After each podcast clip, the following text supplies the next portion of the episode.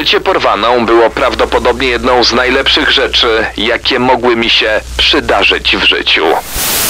Jeśli nie przekonała oprawców, że była zachwycona, czekały ją jeszcze brutalniejsze tortury. Płatni zabójcy, seryjni mordercy i sceny zbrodni w RMFFM.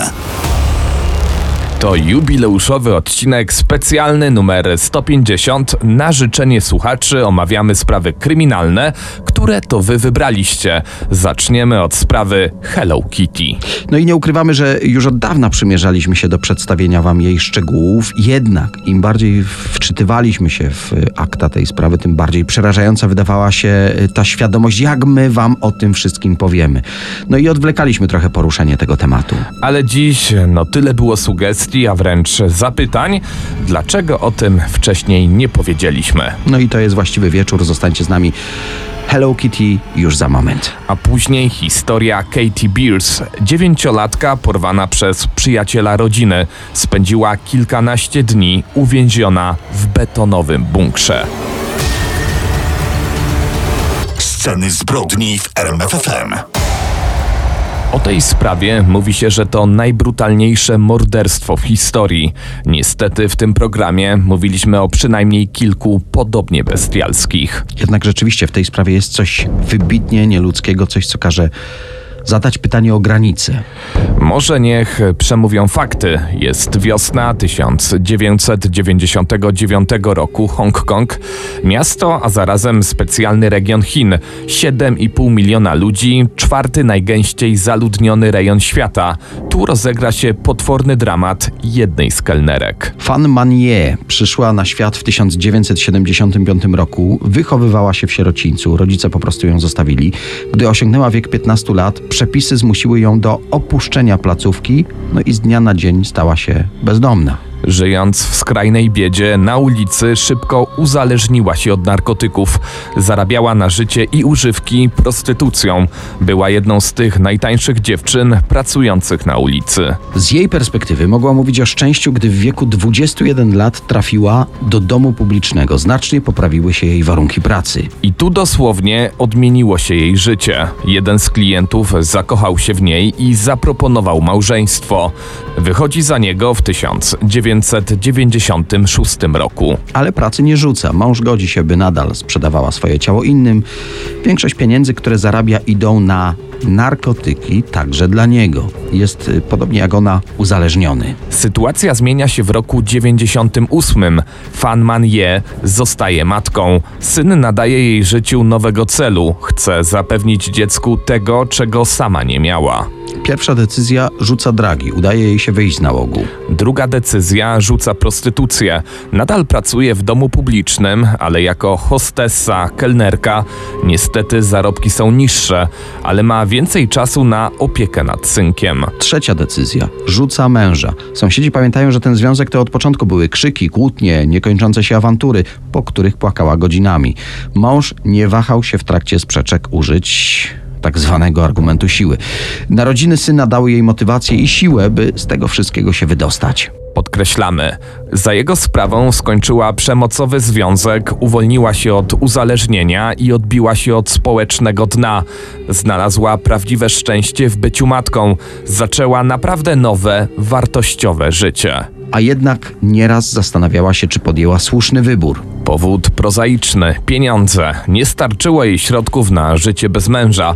Pracując jako hostessa w domu publicznym, zarabiała nędzne grosze, ale nadarzyła się pewna okazja.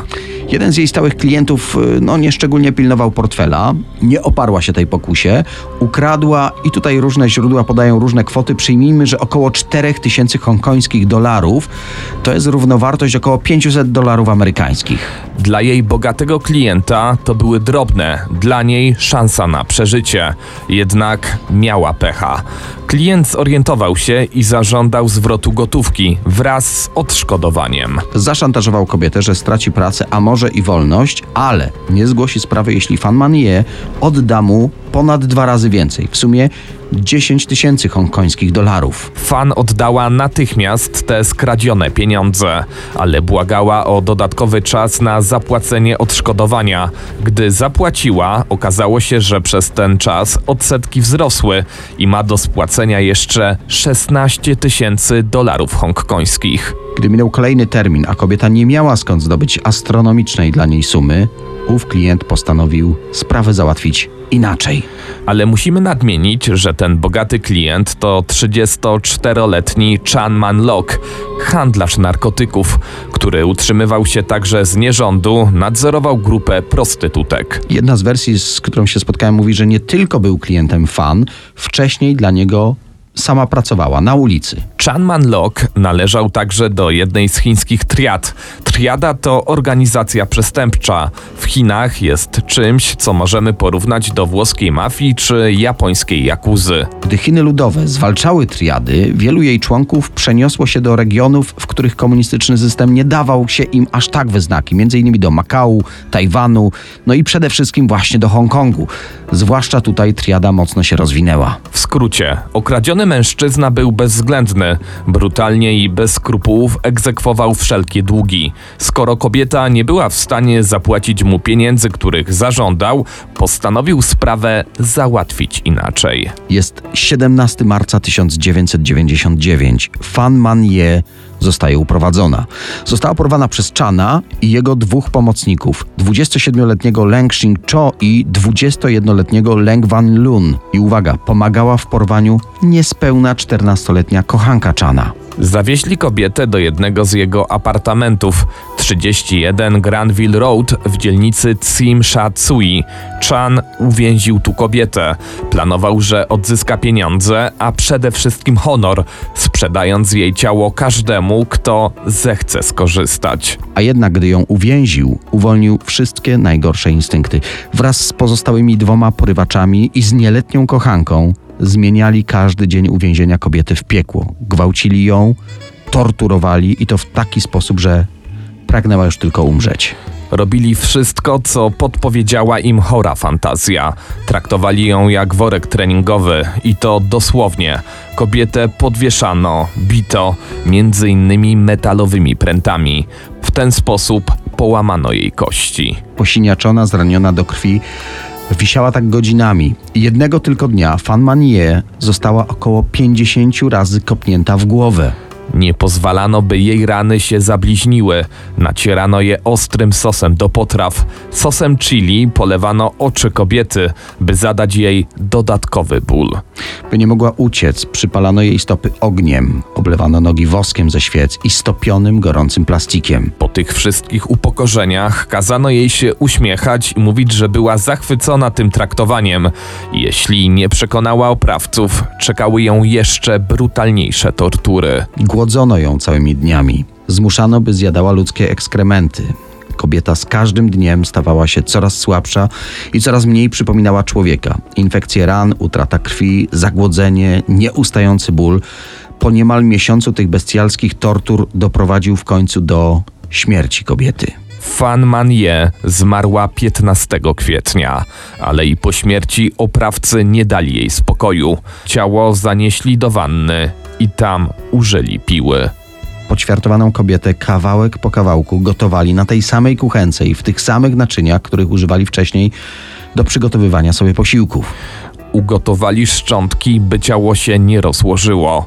Uznali, że zapach gnicia porzuconych fragmentów ciała mógłby doprowadzić do ich ujęcia. Następnie te szczątki wyrzucali po prostu w worku ze śmieciami gospodarczymi. Głowę kobiety także ugotowali w wielkim garnku, a później schowali w dziecięcej poduszce, takiej pluszowej maskotce wzorowanej na bohaterze popularnej kreskówki Hello Kitty. Uściślając, to była Hello Kitty Syrenka, kot z rybim ogonem.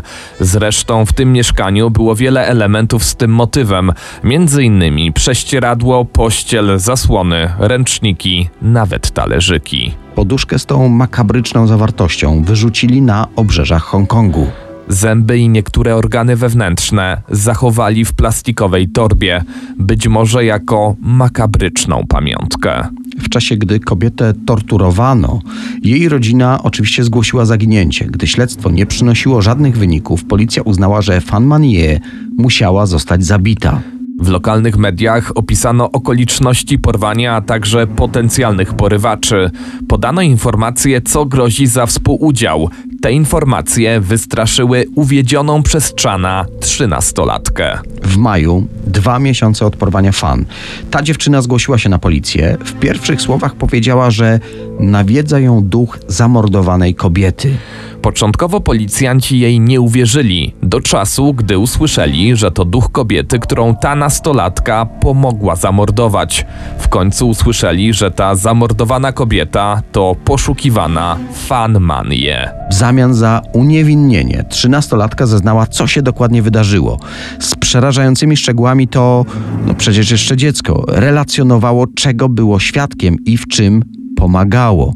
To ona między innymi wlewała sos chili w rany torturowanej kobiety i pod jej powieki. Media i policja nadali tej dziewczynce pseudonim Achfong. Wspomnieliśmy, że była to mocno nieletnia kochanka Chanman Loka, ale najprawdopodobniej była jedną z kobiet do towarzystwa, których on był opiekunem. Pytana, dlaczego przez tyle czasu uczestniczyła w tych torturach, miała odpowiedzieć: Myślałam, że to wszystko tak dla zabawy. Dziewczynka wskazała nie tylko adres tego domu tortur, gdzie zabezpieczono wiele śladów przemocy, wskazała także miejsce wyrzucenia poduszki Hello Kitty z makabryczną zawartością, a także, dzięki jej opisom, odnaleziono miejsce ukrycia innych fragmentów ciała. Zabezpieczono foliową torbę, a w niej narządy wewnętrzne i ząb zamęczonej na śmierć kobiety. Proces był jednym z najgłośniejszych w Hongkongu. W opiniach biegłych opisujących mężczyzn torturujących kobietę powtarzało się bezlitosny. Żaden z nich przed sądem nie okazał skruchy. Uznano, że na podstawie odnalezionych szczątków nie da się jednoznacznie stwierdzić, co było przyczyną śmierci. Czy kobieta została zamordowana, czy może, jak twierdziła obrona, kobieta zmarła w wyniku przedawkowania narkotyków. Jednak na szczątkach ciała Fan Manie odnaleziono ślady DNA każdego z tych mężczyzn, więc ich udział był bezsprzeczny. Trzech porywaczy zostało uznanych za winnych, uwaga, nieumyślnego spowodowania śmierci. Tak uznała ława przysięgłych. Nie można więc było zgodnie z przepisami skazać ich na dożywocie. Sędzia skazał ich na więzienie po 25 lat z możliwością ubiegania się o zwolnienie warunkowe najwcześniej po 20 latach. Uzasadniając wyrok powiedział: Nigdy w historii Hongkongu żaden sąd nie słyszał o równie wielkim okrucieństwie, deprawacji, bezduszności, brutalności, przemocy i okrucieństwie. Warto również wspomnieć, że ten termin 20 lat bez możliwości zwolnienia warunkowego minął w 2019 roku i już wiemy, że ponownie do więzienia trafił jeden ze skazanych mężczyzn. Leng Xing-cho w sierpniu 2022 roku usłyszał wyrok 12 miesięcy więzienia za napaść seksualną na 10-letnią dziewczynkę. Dodajmy, że apartamentowiec, w którym przez miesiąc torturowano kobietę, został rozebrany w 2012 roku. Cztery lata później stanął w tym miejscu hotel. Sceny zbrodni w RMFFM. Porwania dzieci to bardzo dramatyczne historie, nad którymi pochylaliśmy się w tej długiej już historii tego programu. W dzisiejszych scenach zbrodni zajmiemy się sprawą Katie Beers, która w wieku 9 lat przeżyła prawdziwe piekło. Choć ciężko w to uwierzyć, te traumatyczne wydarzenia przyczyniły się do pozytywnych zmian w życiu dziewczynki. Tym razem odwiedzimy Long Island, stan Nowy Jork. W Bayshore pani Marilyn Beers samotnie wychowuje dwójkę dzieci, Johna i Katie. Marilyn musiała jakoś zarobić na chleb, więc dziećmi często opiekowała się jej przyjaciółka, nałogowa alkoholiczka Linda Ingrelli. Kobieta została matką chrzestną Katie. Dziewczynka była jej ulubienicą. Traktowała ją jak swoją prywatną niewolnicę. Sprzątanie, gotowanie. To była jej codzienność u ciotki. Nikt nie przejmował się wychowaniem Katie, a tym bardziej edukacją. Nieregularnie bywała w szkole. Do tego mąż Lindy, Salvatore, molestował seksualnie dziewczynkę i jej brata. W tej historii docieramy do 28 grudnia 92 roku, dwa dni przed dziesiątymi urodzinami Katie Beers. Linda Ingleri postanowiła urządzić małe przyjęcie dla swojego oczka w głowie. Następnego dnia z prezentem do jubilatki przyjechał wieloletni przyjaciel rodziny, 43-letni pracownik budowlany John Esposito. Przywiózł Katie domek dla lalek, dziewczynka była w niebo wzięta. Przy domu Esposito znajdował się garaż wyposażony w gry wideo i solidny zapas słodyczy. Dlatego dzieciaki właściwie z całej okolicy często odwiedzały swojego sąsiada. Mężczyzna, nazywany Wielkim Johnem, był kimś w rodzaju mentora dla 16-letniego brata Katie, na którego znów mówiono Mały John. Około 13.30 Esposito wyszedł od Inglieri w towarzystwie jubilatki. 43-latek obiecał Katie podróż do parku rozrywki.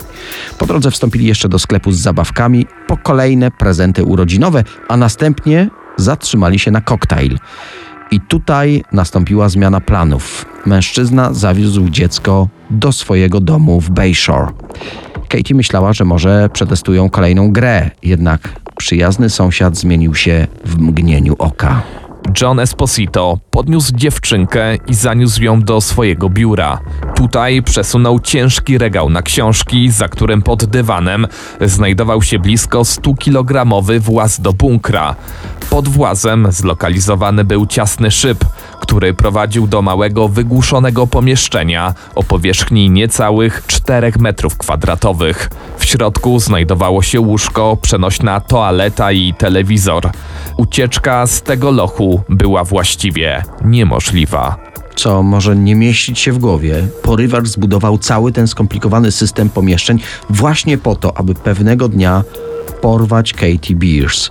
Co więcej, nieświadoma dziewczynka bawiła się tutaj z innymi dziećmi w tej dziurze, która została wykopana pod zbudowanie bunkra.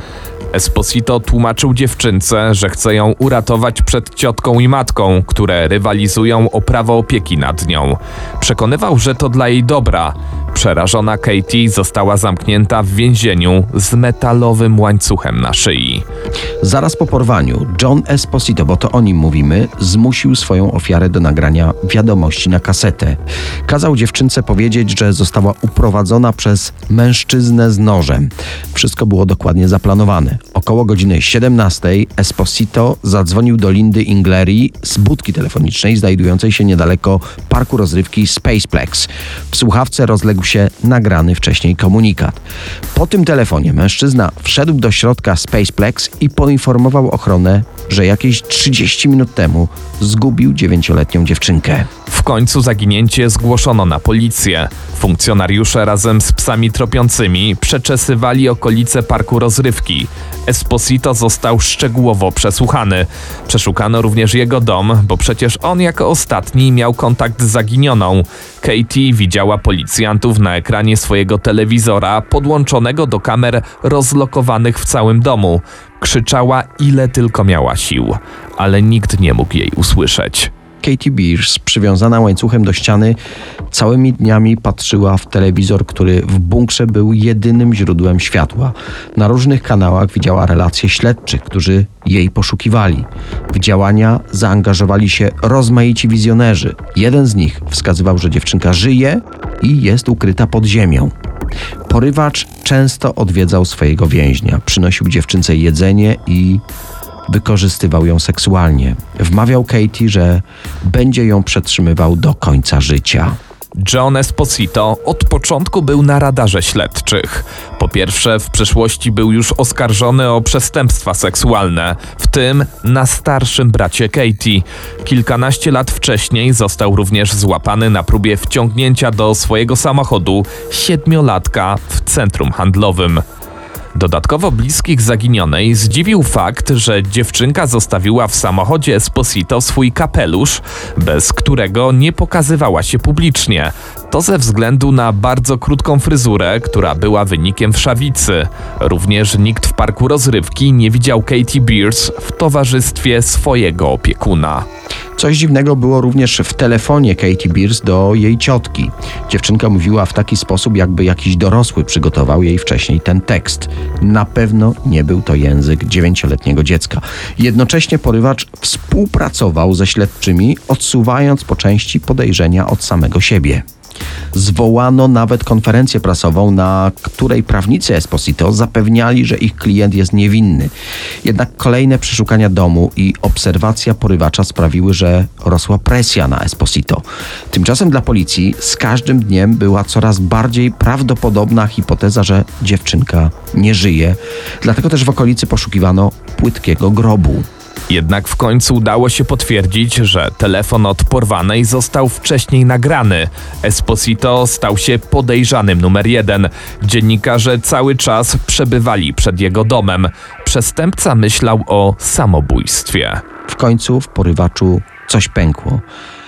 John Esposito poinformował swojego prawnika, że dziewczynka jest w schronie za ścianą, który tylko on potrafi otworzyć. Początkowo nikt nie traktował tych słów poważnie, bo mieszkanie było przeszukiwane trzykrotnie. 13 stycznia 1993 roku jednak Katie Beers została uwolniona po 17 dniach gehenny. John Esposito został skazany na dożywocie. Po latach napisał list takiej treści. Myślę, że Katie wie, że zawsze będę jej dobrze życzył. Przepraszam za to, co zrobiłem. Przepraszam, że w ogóle to wymyśliłem. To był błąd. 4 sierpnia 2013 roku Esposito został znaleziony martwy w swojej celi. Sekcja zwłok wykazała, że mężczyzna zmarł z przyczyn naturalnych.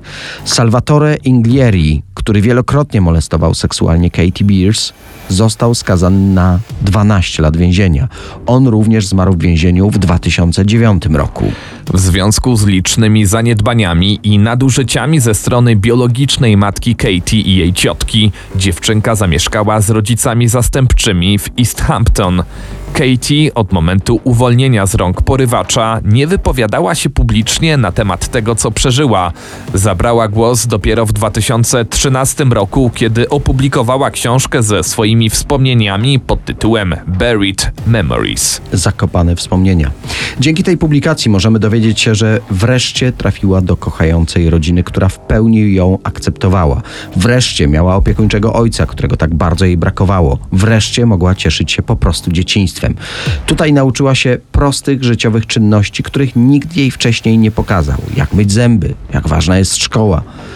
Ta rodzina wreszcie narzuciła taką zdrową dyscyplinę.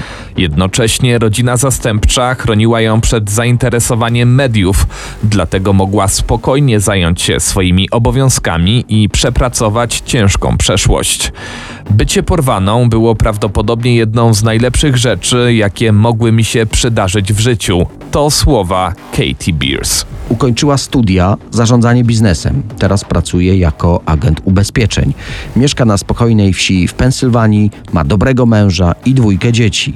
Jest teraz bardzo ostrożna wobec otoczenia, ale nie chce być nadopiekuńcza wobec własnych dzieci. Zaznacza, że wierzy w to, że każdy jest dobrym człowiekiem, ale wciąż musi być przygotowana na najgorsze. W swojej książce wraca również do samego porwania. Pisze, że nie może już słuchać wersji I Will Always Love You Whitney Houston, ponieważ ta piosenka leciała cały czas w telewizji, gdy była uwięziona w bunkrze. Esposito karmił ją głównie fast foodami i napojami gazowanymi. Do dziś nie znosi smaku miętówek, ponieważ jadła je cały czas w niewoli.